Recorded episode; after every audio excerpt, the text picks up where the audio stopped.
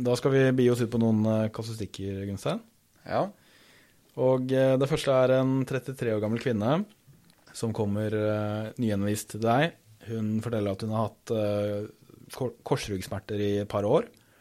Hun føler seg vond og stiv på morgenen, varer i lang tid før hun løsner opp utover formiddagen.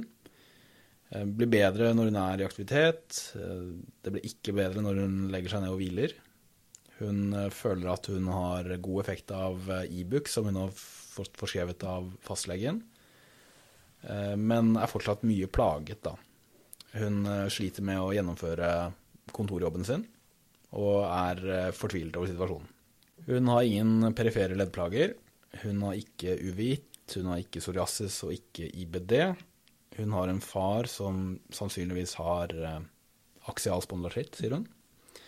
Hun er HLA B27 positiv, har en CRP på 8 ved to målinger, normal senkning, og det er gjennomført MR av IS-ledd som er beskrevet som normal. Hva tenker du her? Ja, det der er en veldig interessant case, for det, det der er jo en sånn pasient som du vil kunne klassifisere som en aksial spondylartritt. Mm. Eh, utenom den billedarma, da. Ja. Eh, og det skal man jo være litt forsiktig med. Fordi at det er jo ikke sånn de kriteriene er tenkt eh, at de skal benyttes, for det første. Mm. Jeg vil alltid ha noe informasjon på disse pasientene. Mm. Eh, så det at du har en CRP på 8 eh, som du ikke kan forklare med noe annet, Mm. det gjør jo at man, det, man tenker jo at det her er jo veldig suspekt på en spondylartritt. Mm. Og da er det sånn at det er noen som har gjort studier på det her. Hvis du har en pasient som har en normal MR av IS-ledd, eh, og du gjentar den undersøkelsen etter eh, 6-18 måneder, Mm. så vil ca. 30% ha en positiv MR på neste undersøkelse. Ok. Og det som disponerer for at det er positiv MR, det er CRP, Mm. og det er HLA B27, Mm. eh, og det er å være mann. Ok. Hvis du da er HLA B27 negativ, så er det mindre enn 2% som har positiv MR på neste undersøkelse. Oi, ja. 2 versus 30 Ja, Mm. ja. Så, så man må huske på at MR er jo en dynamisk undersøkelse, så viser det hvordan ser det ut nå. Mm. Uh, og så vil det svinge. Eh, sånn at eh, hvis du tar den samme undersøkelsen om to, tre, fire måneder, så kan bildet se annerledes ut. Mm. Og man har jo eh, Man har jo svinga litt på hva man har anbefalt i forhold til å bruke NSAIDs opp mot undersøkelsestidspunktet. Ja. Eh, så først så var det, kom det en anbefaling om at du burde ikke bruke NSAID før du ble undersøkt. Okay. Og så sa man at det hadde ingen betydning. Mm. Eh, og det kom fra dette miljøet i Tyskland som har gjort veldig mye MR på, på spondylartitter. Mm -hmm. uh, og så har de de samme har nå snudd igjen og sagt at det ser faktisk ut som det at du tar NSIDE opp mot undersøkelsestidspunktet kan påvirke resultatet av MR. Ok, ja. Så jeg ville ha tatt en ny MR om Hvis symptomer vedvarer, så ville jeg tatt en ny MR kanskje om seks måneder. Mhm. Passa på at hun ikke har brukt uh, ensides, i hvert fall altså, litt avhengig av om du har Mm. kort eller lang halveringstid, men, men i hvert fall et par uker uten ensides. Okay. Eh, og så ville jeg tatt med eh, kolumner. Ja. For Mm. å se om det var noe der. Mm. Eh, og så, så må man jo tenke litt sånn eh, Har hun noen entesittplager? Har hun noen ting som noen andre ting som, som kan peke i retning av det her? Da? At du kanskje gjøre en ultralydscreening av de smertene som hun har på knærne sine, eller på, på akilles osv. Mm. Um, så kan det hende at du stiller diagnosen spondylartritt uh, uten at du har en aksial spondylartritt. Ja. Um, og hvis du har en vedvarende inflammasjon, så, så vil jeg ikke ha vært uh, sånn kategorisk imot å gi henne biologisk behandling, hvis jeg fant noen andre substrater. Ja, riktig. Men inntil du finner det, så ville du gitt henne da NSAIDs med da beskjed om å, å pause i noen uker før den kommende MR-en om seks måneder, Ja. eh, og så bare på en måte generelle råd. Ja. Og det, det er litt sånn fordi at uh, hvis du først setter den diagnosen på en pasient, uh, så er det veldig mye styr hvis du senere sier at eh, nei, nå har jeg fått tenkt meg litt bedre om, mm. og jeg tror kanskje ikke du har en spondylotitt. Så, så du vil jo kanskje ikke starte umiddelbart med TNF-hemmer på den pasienten. Nei. Eh, Så du har jo tid til å tenke deg litt om. Du har jo tid til å vurdere det her litt. Og du kan jo også overlate til fastlegen å følge det opp med, med ny undersøkelse og rehenvisning eh, senere, hvis du syns det er mer fornuftig. Mm. Men jeg ville hatt med, jeg ville hatt med kolumner Ja. på neste undersøkelse. Mm. Der er sånn, I forhold til det her med negativ MR, da, Mm. Så er det jo en studie som eh, De har tatt pasienter som har hatt inflammatoriske ryggsmerter. Så har de gjort MR, og så har de tatt biopsi fra IS-leddet etterpå. Oh, ja.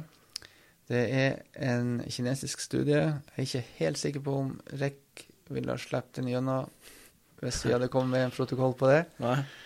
Eh, men de har gjort det. Og da viste det seg at eh, 40% av de som hadde en negativ MR, hadde inflammasjon i histologi. Ok. Så MR har jo en, en grense for deteksjon. Ja. Da kan man si at hvis det er så lite inflammasjon, er det klinisk relevant? Eh, ja, det kan man godt si. Mm. Men, men poenget her er jo da det at MR gir deg et øyeblikksbilde, og det vil være en, en terskel for hva de klarer å påvise. Ja. ja, men Det var en veldig nyttig gjennomgang. Hvis vi går videre til neste case, som er eh, på en måte denne første kvinnens eh, motsetning, da kanskje. 33 år gammel mann. Også han med mangeårige smerter i korsrygg. Ikke, han rapporterer ikke helt entydig morgenstivhet. Eh, Det er litt eh, sånn uklart egentlig om han har det. Han sier at han noen ganger blir bedre når han er i aktivitet, men andre ganger eh, så blir han egentlig verre. Og ofte så har han mest lyst til å bare ligge og slappe av. Han har prøvd to forskjellige NSAIDs eh, fra fastlege, og det har ikke vært noe særlig effekt av det, syns han. Og det har vært gitt i adekvate doser. Han eh, sier at han har også en del eh, smerter i andre områder, men du finner ikke noe artritt eller entesitt ved undersøkelse. Han har heller ikke noe uvitt psoriasis eller IBD. Han har ingen hereditet for spondylartritt, psoriasis eller IBD. Han er HLA B27 positiv. Han har normal CRP og senkning. Og det er gjort MR av IS-leddene som fastlegen hadde henvist til, og den viste eh, sparsomt benmargsødem på ilium-siden av høyre IS-ledd, som radiolog oppfatter at kan være forenlig med sakroilitt.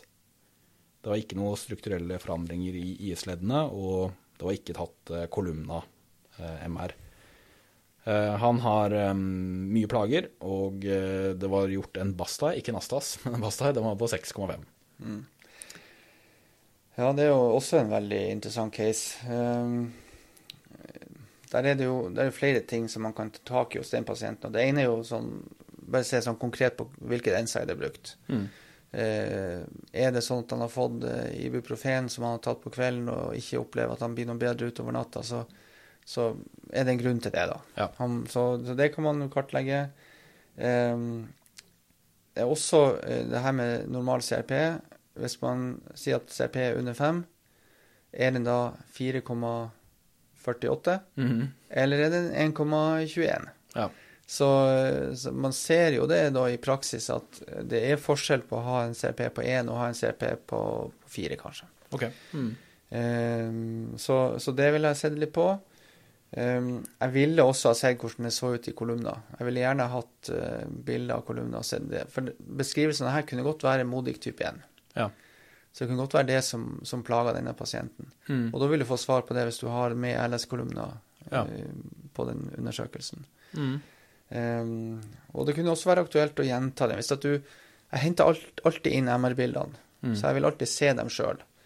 det er jo sånn at uh, de fleste av våre undersøkelser blir jo kanskje tatt på institutter rundt omkring, Mm. og ikke nødvendigvis på røntgenavdelinga. Eh, og da er det litt tilfeldig om det er en skjelettradiolog, eller om det er en thoraxradiolog, eller en annen spesialitet, Mm. som ser på de bildene. Og eh, de er akkurat sånn som oss, at du blir god på det du øver på. Mm. Eh, Så jeg, ikke at jeg overprøver det, men jeg, jeg bruker å se om jeg er enig i denne beskrivelsen. Ja. Syns jeg de har oversett noen sånn helt åpenbart, og det hender seg at, at man finner. Ja. Men når du da ser på IS-leddene, bruker du en eller annen etablert definisjon av hva som er signifikant funn, eller er det mer sånn eyeballing, magefølelse, erfaringsbasert eh, Det er eyeballing, ja. ja. Mm. Eh, når disse nye kriteriene kom, så hadde man jo laga disse ganske sånn eh, strikte kriteriene for hva må til for å kalle det for en positiv MRIS-ledd. Mm. Eh, og det har vist seg at den terskelen var lagt eh, veldig lavt. Ja. Um, så har man jo funnet noen ting som, som gjør at du kan være mer sikker, da. Altså uh, dyp inflammasjon. Dyp inflammasjon. Dyp inflammasjon. Um, Hva innebærer det? Eller ja, altså eh, de, de har sagt litt om det på fettinfiltrasjon. mm. Fettinfiltrasjon over 1 eh, cm. OK. Og, og den fettinfiltrasjonen det skal være subkondralt. Ja. Så hvis du finner litt av, et lite hemangiom som ligger inne i sakrum, eh, og ser oi, der har vi litt fettinfiltrasjon, Mm. eh, men det ligger eh, helt atskilt fra det subkondrale området, Ja. så er det ikke relevant. Okay. Så det skal være skarpt avgrensa subkondralt. Mhm. Det er også veldig typisk. Så eh, det kan du se på. Du kan også skjele til om det er usurdannelse. Mm. Eh, mens f.eks. Sånn sklerose skal man være litt eh, varsom med å tolke. OK. Og har du dyp sklerose, Mm. så, eh, så er det jo eh, sjelden at det skyldes en uh, sakriliten. Okay. Eh, så jeg lærte en gang på et sånn seminar at har du en sklerose som er dypere enn 3 millimeter, så skal du være litt forsiktig med å tolke det. Mm. Nå tenker du f.eks. over imot de som får en ostitis condensans, Mm. så er den jo ofte ganske dyp, da. Sånn Ja. kanskje 5-6-7 millimeter. Um, så jeg pleier alltid å se på de sjøl, Men, i så- MR-bildene. men så måtte, inflammasjonen og fettinflasjonen skal være dyp og subkondral, mens sklerosen skal ikke være dyp. Nei, Ja. det er riktig. Og- Og du kan godt se på en med en ostitis condensans at de har kanskje litt inflammasjon i randsona til den her dype sklerosen sin. Mm. Eh, så sånn at der er en viss inflammasjon også hos dem. Mm. Eh, men de har jo et veldig sånn typisk utseende på den, på den eh, sklerosen sin, som den er for det første dypt da, og så Mm. er den litt sånn eh, triangelforma med brei base inn mot leddet. Ja. Eh, og hvis du får et, eh, et CT-bilde, f.eks., av dem, Mm. så er det veldig sånn typisk utseende på CT. Okay. Um, så, men man bør kunne såpass med MR at man er i stand til å vurdere bildene og se om man er helt uenig med radiologen. Ja. For Da må man be om en second opinion. Ja. Så jeg, jeg bruker ikke å overkjøre en beskrivelse fra en radiolog og si at uh, det her er åpenbart feil, og, og prøve å, å endre den uh, eller noe sånt, men da ber jeg om en second opinion fra de som jobber som uh, muskel-skjelett-radiologer hos oss på, på sykehuset. Ja. uh, og får en vurdering av dem. Og da opplever du at dere stort sett er enige, når, de, når det da vurderes av en uh, muskelskjelett? Ofte, ja. Ja. Ofte. Mm. Men bare, det er sikkert et dumt spørsmål, men bare være helt sikker. Det du, sier, det du mener med dyp, da er det måte, hvis eh, leddspalten er overflaten, og så på måte, hvor langt det strekker seg innover i enten Mm. sakrum eller ilium? Ja, ja. Ok. Ja, men da, da er jeg med på det. Eh, Og la oss si at denne pasienten da har funn som er i gråsonen. Du er ikke helt sikker, men det er ikke åpenbart uh, ingenting. hva, eh, hva tenker du da? Ja, da, da, da er det også det her med pasientens beskrivelse av de her uh, symptomene. Da, at han, han har ikke en entydig morgenstivhet, men mener han det samme med morgenstivhet, så jeg mener med morgenstivhet. Ja. Eh, han, han blir ikke nødvendigvis bedre av å være i aktivitet, han kan bli bedre av å hvile. Eh, altså det er jo ikke helt det vi oppfatter som inflammatorisk, men hvilken aktivitet er det vi snakker om da? Mm. Er det er det her en fotballspiller i Eliteserien, eller eh, er det en mosjonist, eller Mm. eh, Så eh, prøv å kartlegge det litt. Men jeg er jo enig i at det er ikke en sånn helt typisk eh, inflammatorisk ryggsmerte som beskrives. Nei. Så jeg ville eh, som sagt sett på de MR-bildene, og hvis de da er litt sånn at jeg tviler litt på det her, så vil jeg gjerne hatt en ny MR om seks måneder. Og la oss si da at den påfølgende MR-en viser funn som er litt mer overbevisende, men du er fortsatt i tvil da, om hele greia her. Men det besluttes å gjøre et behandlingsforsøk med biologisk behandling fordi NSAIDs og trening ikke har vært tilstrekkelig. Og han har fortsatt uh, Bastay på la oss si syv, da. Eh, Så det innvilges uh, f.eks. adalimumab da, i tre måneder, også at man skal vurdere effekten av det. Eh, Den personen kommer tilbake, sier at eh, han er blitt bedre, tror han, men det er ikke sånn slående. Basta har falt til fem fra syv, da. Fra syv til fem. Um, eh, det, er fortsatt, det er ingen nye momenter i dette. Det er liksom det samme, det er litt bedre. Hva tenker du da? Bør man si at dette er godt nok og fortsette? Bør man si at nei, dette passer ikke med aksalfondartritt, sitt, avslutte behandlingen? Eller er det aktuelt å prøve en annen biologisk behandling? Nei, jeg tror ikke jeg ville ha prøvd en annen biologisk behandling eh, sånn uten at jeg hadde noen ting å støtte meg på i forhold til inflammasjon. Nei. Um, jeg ville informert pasienten godt på forhånd og sagt at det her medikamentet er veldig bra på å dempe inflammasjon Mm. og dempe symptomer som skyldes inflammasjon. Mm. Og I den grad man har symptomer som ikke skyldes inflammasjon, så har det ingen effekt. Nei. Så Det, det syns jeg er viktig å si til pasientene før de skal starte opp. Mm. Akkurat hos denne pasienten her, da, det at han har normal CRP på forhånd, det gjør jo at det er litt vanskelig å vurdere hvorvidt det har hatt en objektiv effekt. Mm. Da kunne det være aktuelt å gjøre en MR. Ja. Uh, Bare for å se om de har hatt effekt. Fordi at det vil få en behandlingsmessig konsekvens. Mm. Hvis du da var i tvil om diagnosen, du er i tvil om man har inflammasjon, og du er i tvil om man har effekt, Mm. så, eh, så, så syns jeg det er vanskelig å fortsette med behandling som tross alt har potensielt uh, veldig alvorlige bivirkninger. Ja. Eh, da vil jeg gjerne vite litt mer om, om det kan være andre ting enn inflammasjon som gjør det her. Mm. Så du da tar en kontroll MRI-sledd, og det viser et uendra bilde fra tidligere, Mm. og så vet du jo at det er i hvert fall ikke inflammasjon som driver disse symptomene hans. Eller sannsynligvis ikke, da. Ja. Og da hadde det vært eh, mest hensiktsmessig å bare avslutte behandlingen eh, da? Ja, det vil jeg si. Ja. Og så får man eh, gjøre opp en status igjen senere. Altså da eh, Det kommer litt an på hva pasienten eventuelt har av andre symptomer og plager. Altså hvis du tror at det her ikke er en spondylartritt, så vil jeg overlatt oppfølginga til fastlegen og så sagt at man kan vurdere å gjenta undersøkelsen eh, dersom symptomene vedvarer i løpet av de neste par årene. Ja. Eh, og så, eh, så eventuelt se pasienten igjen. La oss si at denne pasienten vi snakket om nå, det var en 33 år gammel mann. La oss si at det er litt samme problemstilling, litt samme funn, eller samme problemstilling, samme funn, men pasienten er nå eldre. La oss si at det er en 50-åring, da, som også har hatt smerter i over noen år. Litt vanskelig å få tak på når det hele startet, egentlig. Em, vil dette med alderen påvirke avgjørelsen og valgene dine videre i stor grad, eller vil det være mye av det samme? Det vil nok være mye av det samme, for du må fortsatt selge budskapet til pasienten at det vi kan gjøre noe med, er inflammasjon. Mm. Um, hos, det, det er ikke en helt uh, søkt problemstilling. De fleste som jobber med spondylotittpasienter, får jo inn noen på 50 og 60 år Mm. som det er tilfeldig oppdaga noen ting på IS-ledd til. Mm. Uh, og så begynner man å nøste litt i det her. Um, og det kan være lurt å prøve å knytte det opp til sånn viktige livshendelser.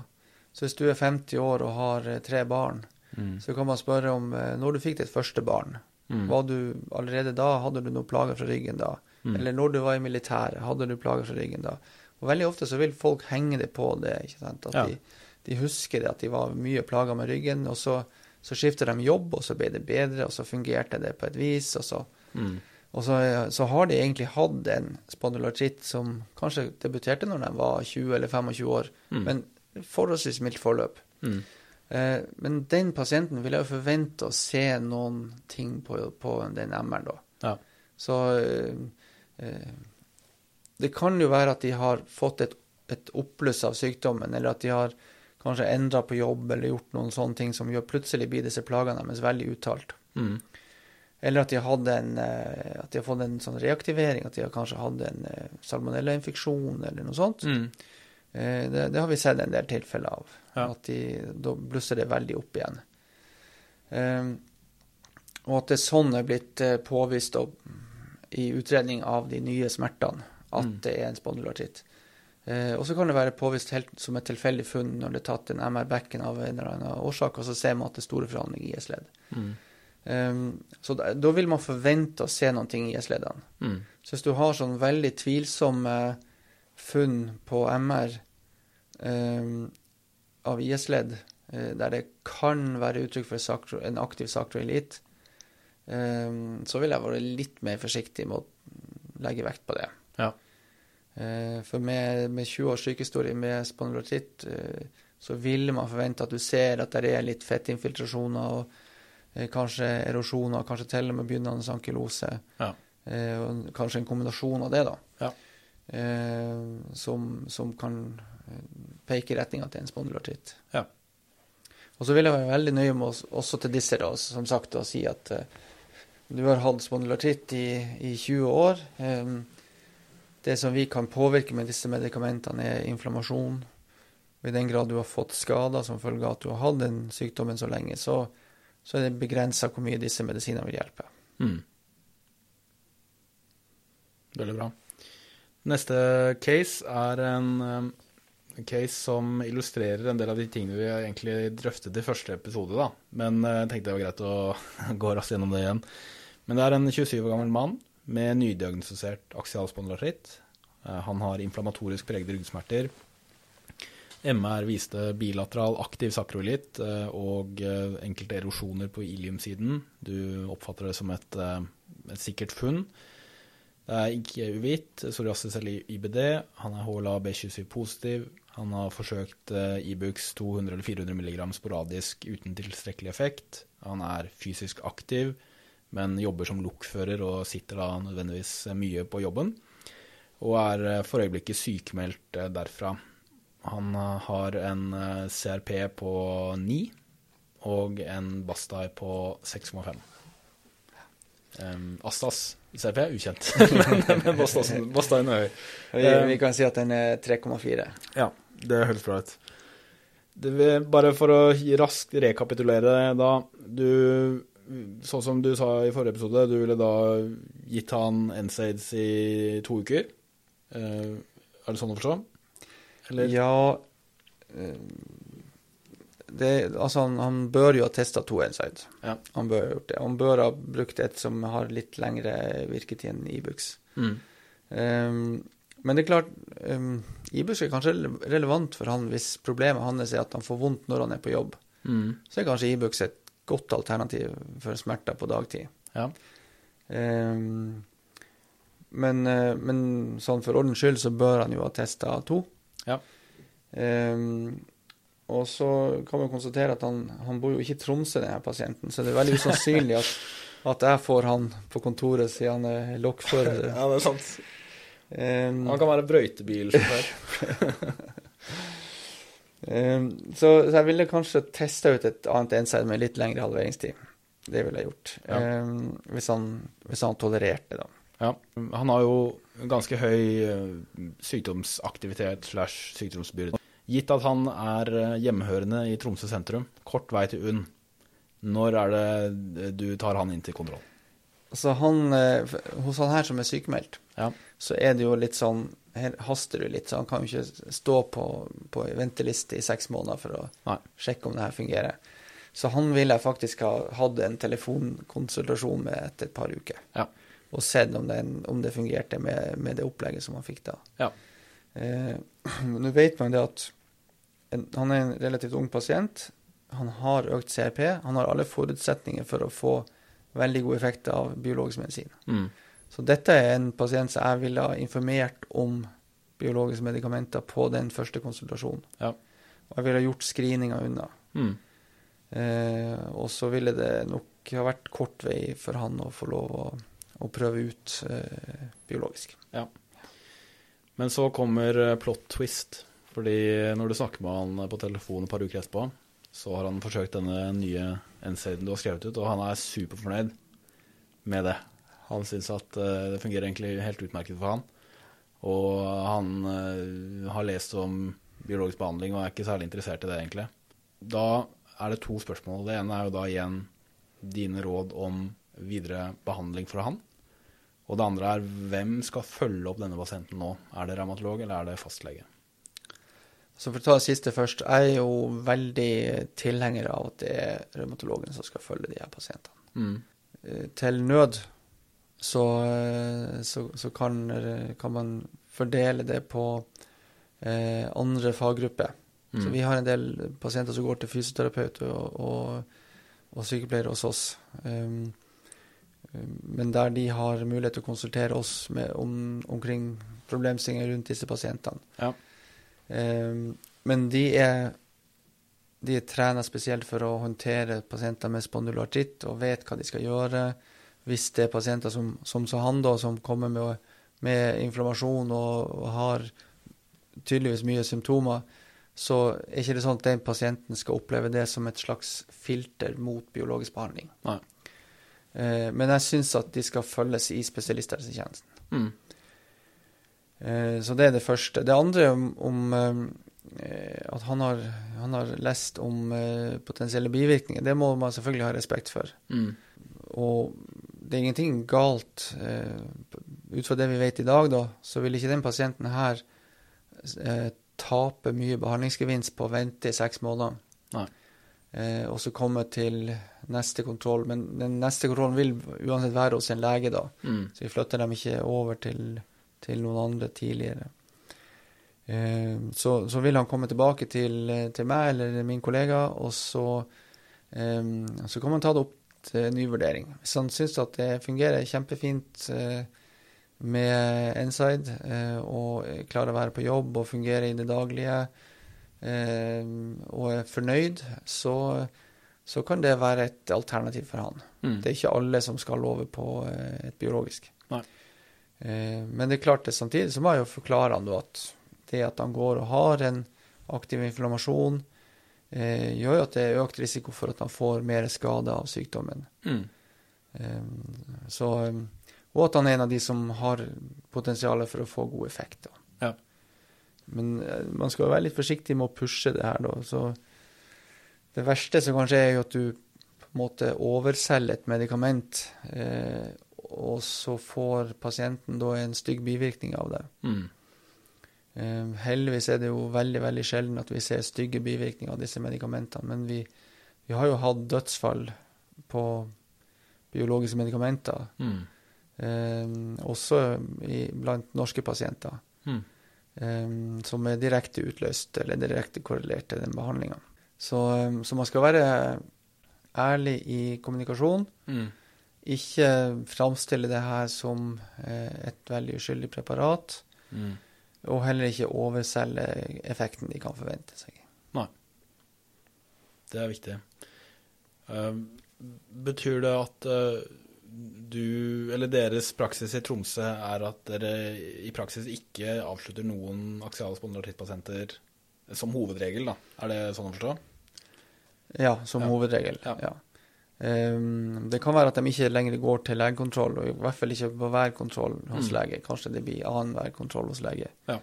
Um, men eh, men de, som hovedregel så følges de hos oss. Veldig bra. Da tror jeg vi beveger oss eh, videre til neste case, hvis du er klar for det. Det her er en 45 år gammel mann som har hatt uh, aksial spondylartritt i en årrekke. Han har um, sakroilitt uh, og uh, vi kan si at han også har litt spondylitt, men ikke noe andre manifestasjoner, så ikke noe perifert, ikke noe IBD, psoriasis eller uvegitt. MR har tidligere vist eh, overbevisende aktiv sakroilitt med erosjoner og begynnende ankylose. Det, han har klart seg ganske bra med NSAIDs og trening eh, i flere år. Men nå så, så har han fått en forverring. Han har voldsom økning i ryggsmerter som han gjenkjenner som aksialspondylartrittplager. Beskriver helt entydig inflammatorisk preg i dem.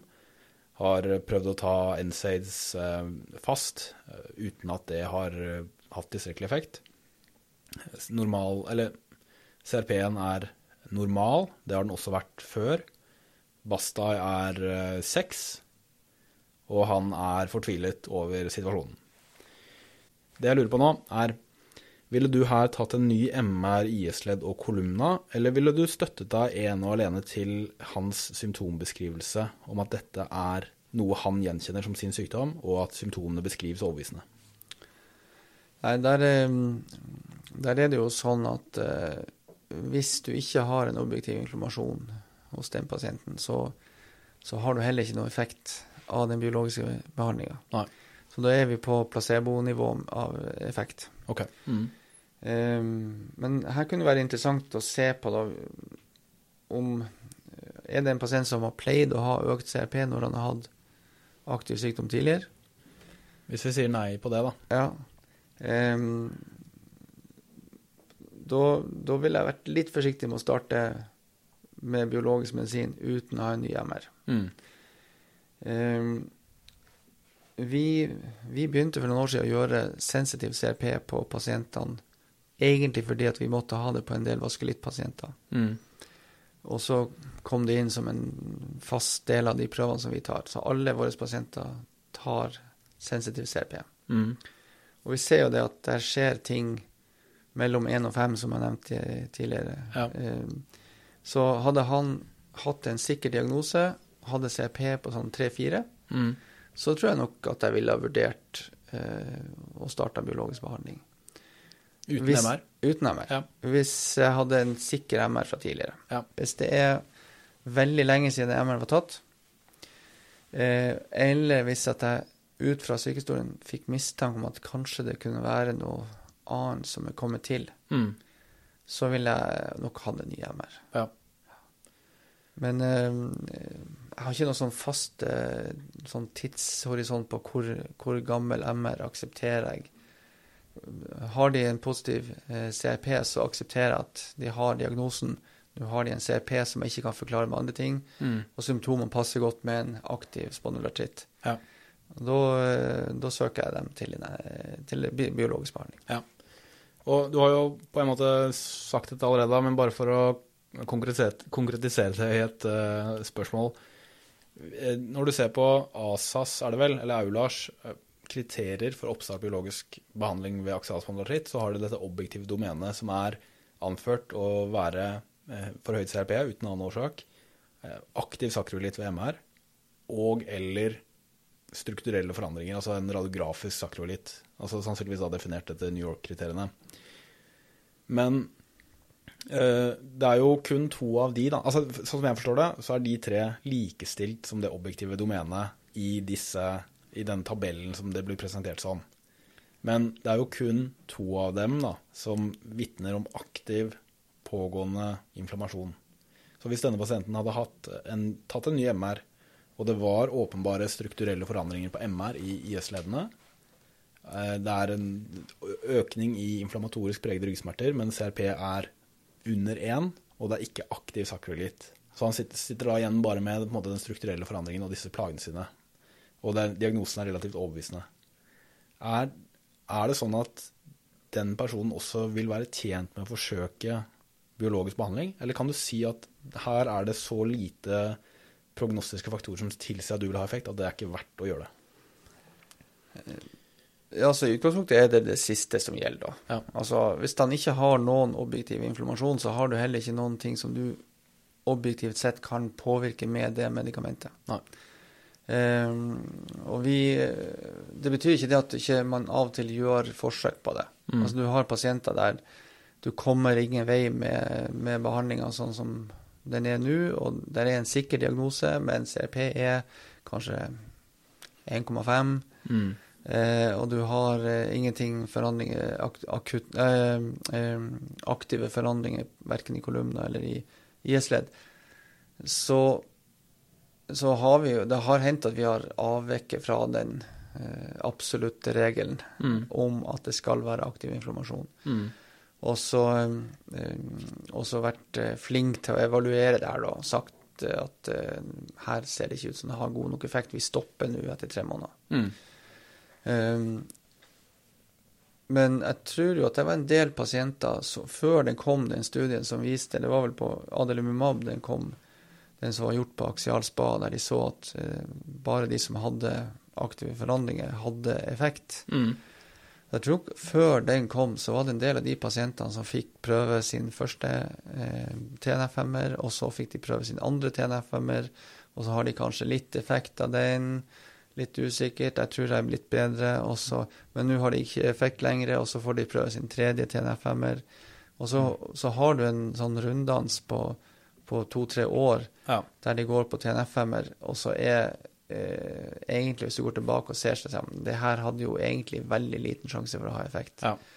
Så, eh, så vi, jeg prøver å være streng på det. Ja. Når det kommer noen eh, sånn forespørsler fra kollegaer om, å- om det her pasienten kan få lov å prøve biologisk behandling, så, så, eh, så bruker jeg å være negativ til det. Altså. Ja. Tenk at Da må man heller se på andre ting man kan gjøre. Kan, kan denne pasienten søkes til rehabilitering, f.eks.? Ja. Eh, oppfordres til, til endre trening, eh, e- egeninnsats på det. Mm. Eh, altså sånn, sånn, De tingene som vi måtte gjøre før vi fikk biologisk behandling. Ja, ja. ja. Hvis, um, hvis vi bare tar en annen litt uh, tilsvarende situasjon altså, Det er en person med da etablert uh, overbevisende aksialspondylartritt som har brukt uh, TNF-hemmer over lengre tid. Og så har, virker det å ha slått seg litt i ro, dette her, og uh, man kan konkludere med at man ønsker å ta en behandlingspause. Enten fra pasientens ønske eller at samvalg, at man tenker at nå kan vi se om vi klarer oss litt uten.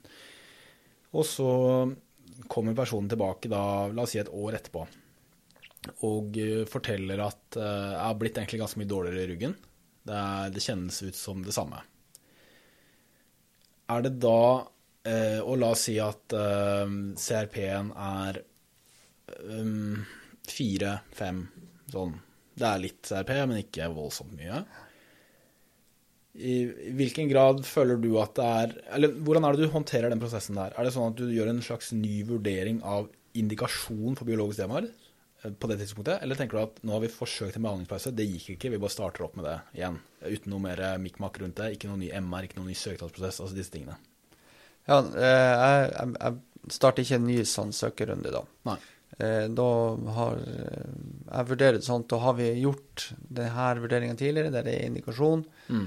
Eh, Så hvis det er en pasient som har hatt en, en lang pause av en eller annen grunn, eh, så, så, så starter jeg som regel opp igjen da. Ja. Eh, Uten, uten MR. uten ny MR, ja. ja. Mm.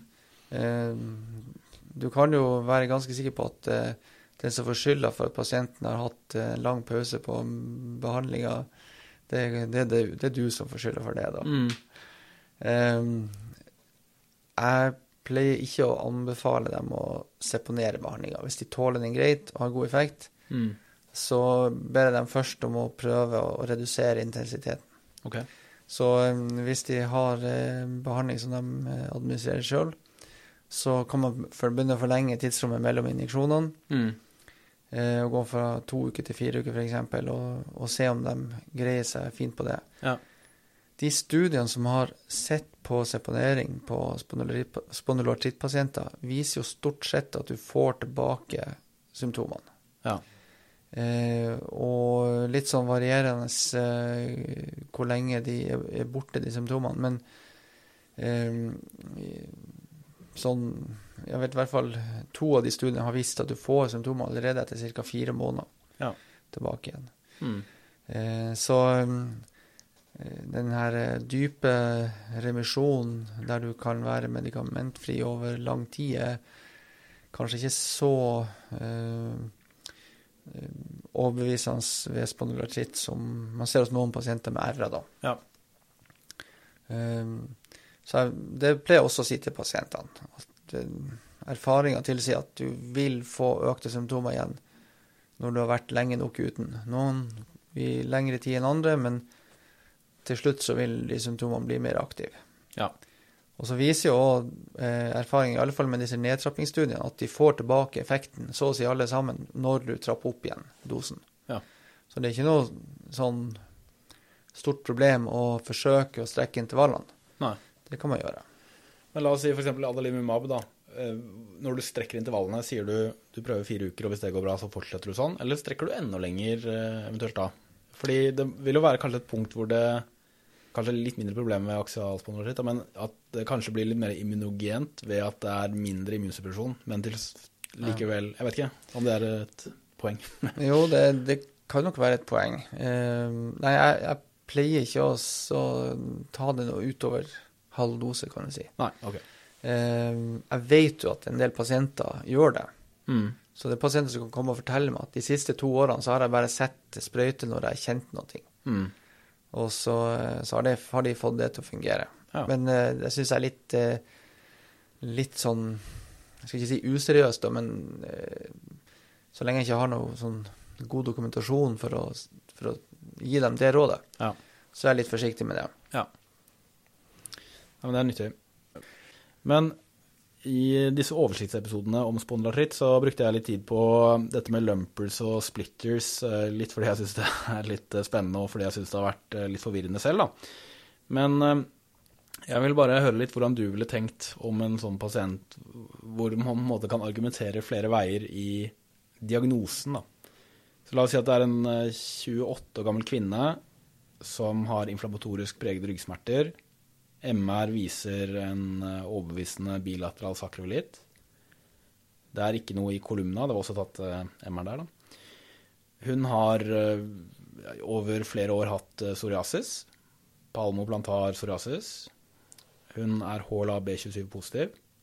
Hun har ikke noen andre manifestasjoner, så ikke noe perifert, ikke noe uvitt, ikke noe IBD.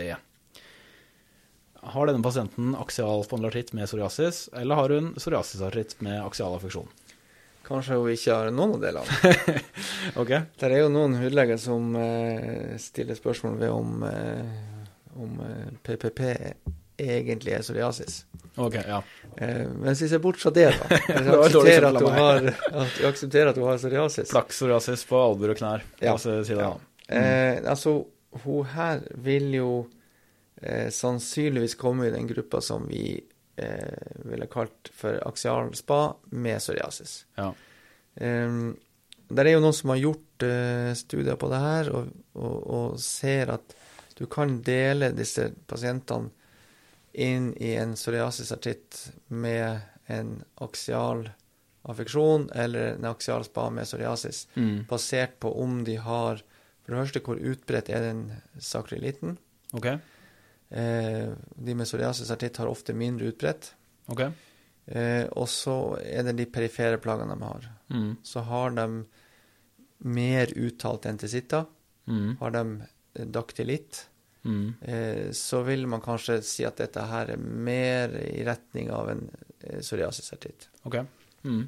Men de, sånn som den beskrivelsen her, at hun, hun har eh, kun affeksjon av IS-ledd, og så har hun psoriasis, så vil det kanskje passe bedre i den aksialspondylartritt eh, med psoriasis. Mm.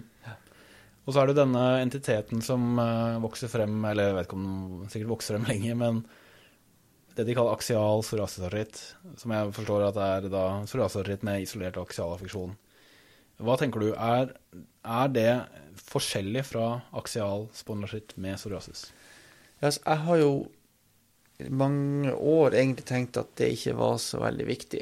Eh, og, eh, og litt så er, kan du si at så lenge behandlinga har vært så lik som den tross alt har vært, Mm. så, så er det riktig at det har ikke hatt noen sånn veldig stor praktisk betydning. Mm. Eh, men så er det jo det at eh, man har en tendens til å finne ut mer ting etter hvert. Mm.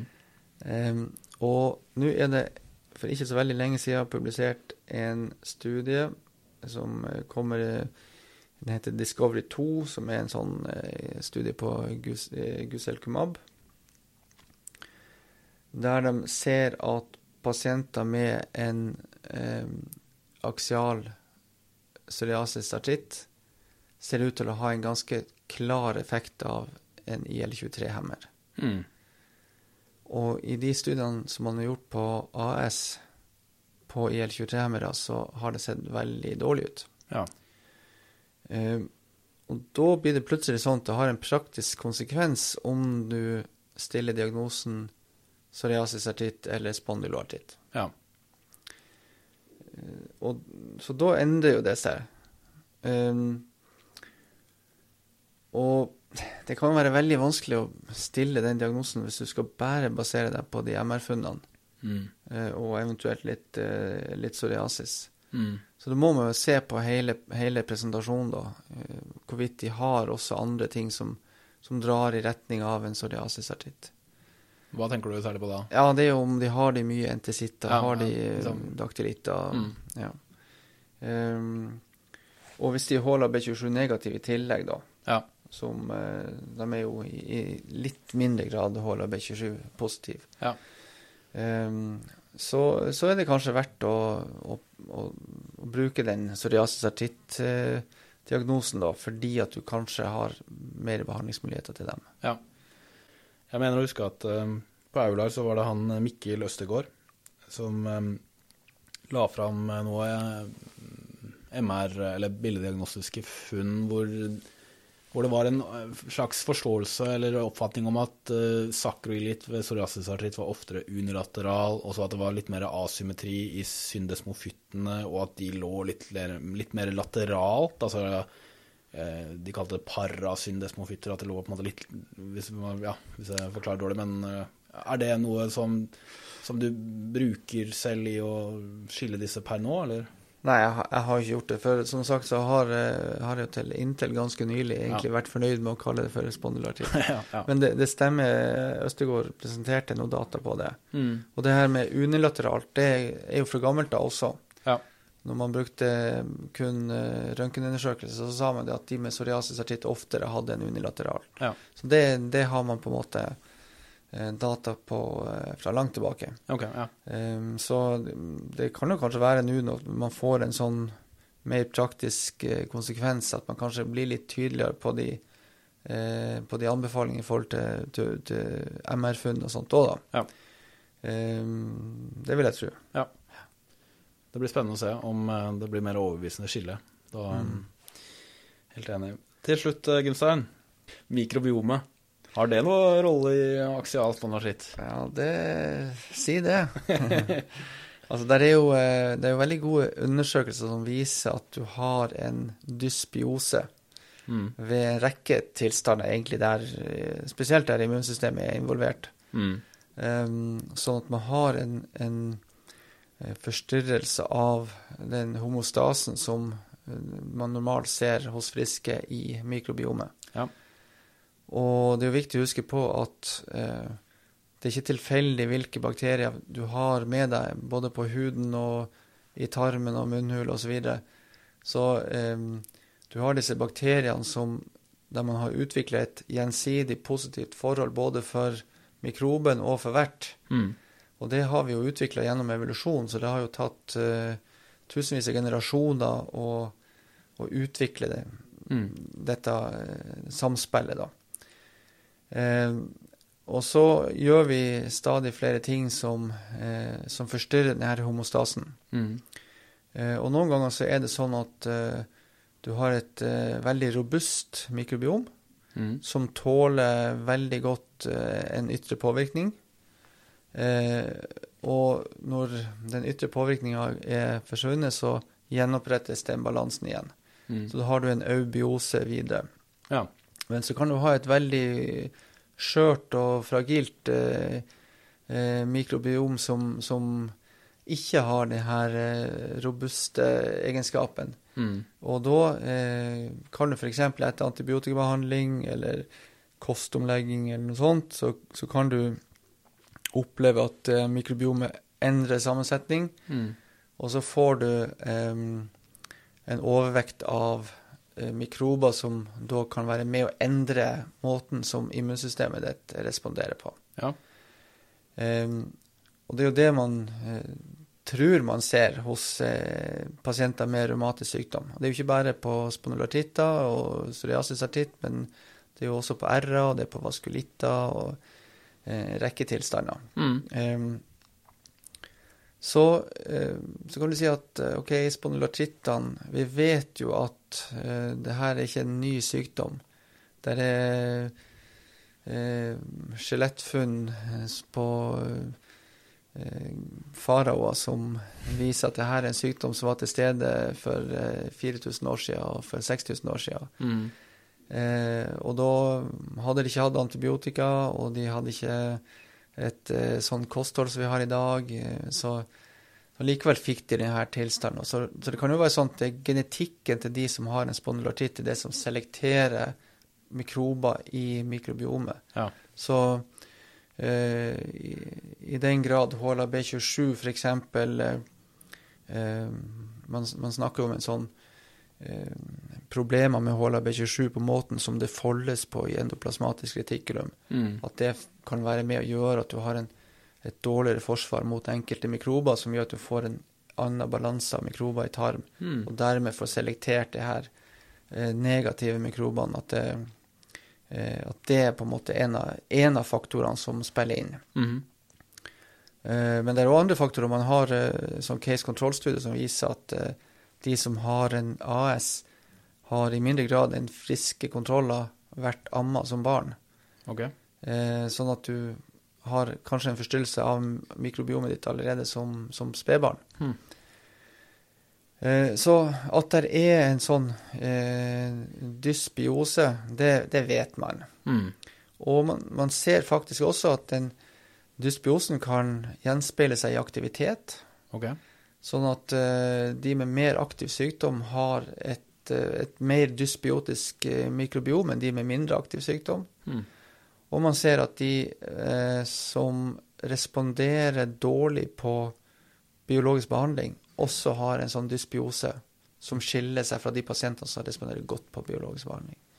Så dysbiosen din korrigeres litt hvis det er effekt av biologisk eh, behandling, eller? Nei, altså det her er før du får biologisk Ja, okay, behandling. Ja, ok. Mm. Eh, men når du sier det, Mm. så, så ser man faktisk at dysbiosen endrer seg når du får biologisk behandling. Ja. Så da kan du få et, eh, et mikrobiom som da eh, korrigeres mer mot normalbefolkning. Nettopp, ja. Så, så um, eh, der er et samspill mellom mikrobiomet og inflammasjon. Eh, og man har jo i mange år trodd at det er eh, At sykdommen starter fra tarm, da. Mm.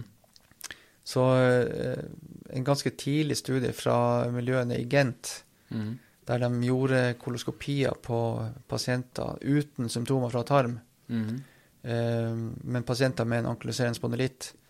Så ble de koloskopert og det ble tatt biopsier, så fant du subklinisk inflammasjon hos opp mot 70% av de pasientene. Mm. Eh, så, så man har vært ganske overbevist om at det er et samspill med tarm og, og sykdommen eh, Mm. for øvrig, da. Men akkurat hvor mye det betyr, vet vi ikke. Om du kan endre forløpet av sykdom ved å endre mikrobiomet, det vet vi ikke. Nei. Og eh, fordi at bare det å ha HLA-B27 er nok til å skape en dysbiose, Mm. så kan det òg være sånn at hvis du får effekt av å gjøre en intervensjon, så vil det gå tilbake igjen Mm. senere, fordi at du har nå de genene du har. Mm. Så da vil du få gjenoppretta dysbiosen, selv om du skulle lykkes i å, eh, i å endre den, Mm. ved å gjøre f.eks. en sånn mikrobiotatransplantasjon. Ja, nettopp. Så det, det vet vi ikke. Mm. Eh, men eh, det er jo veldig spennende at det er ting som man kan finne ut av. Ja.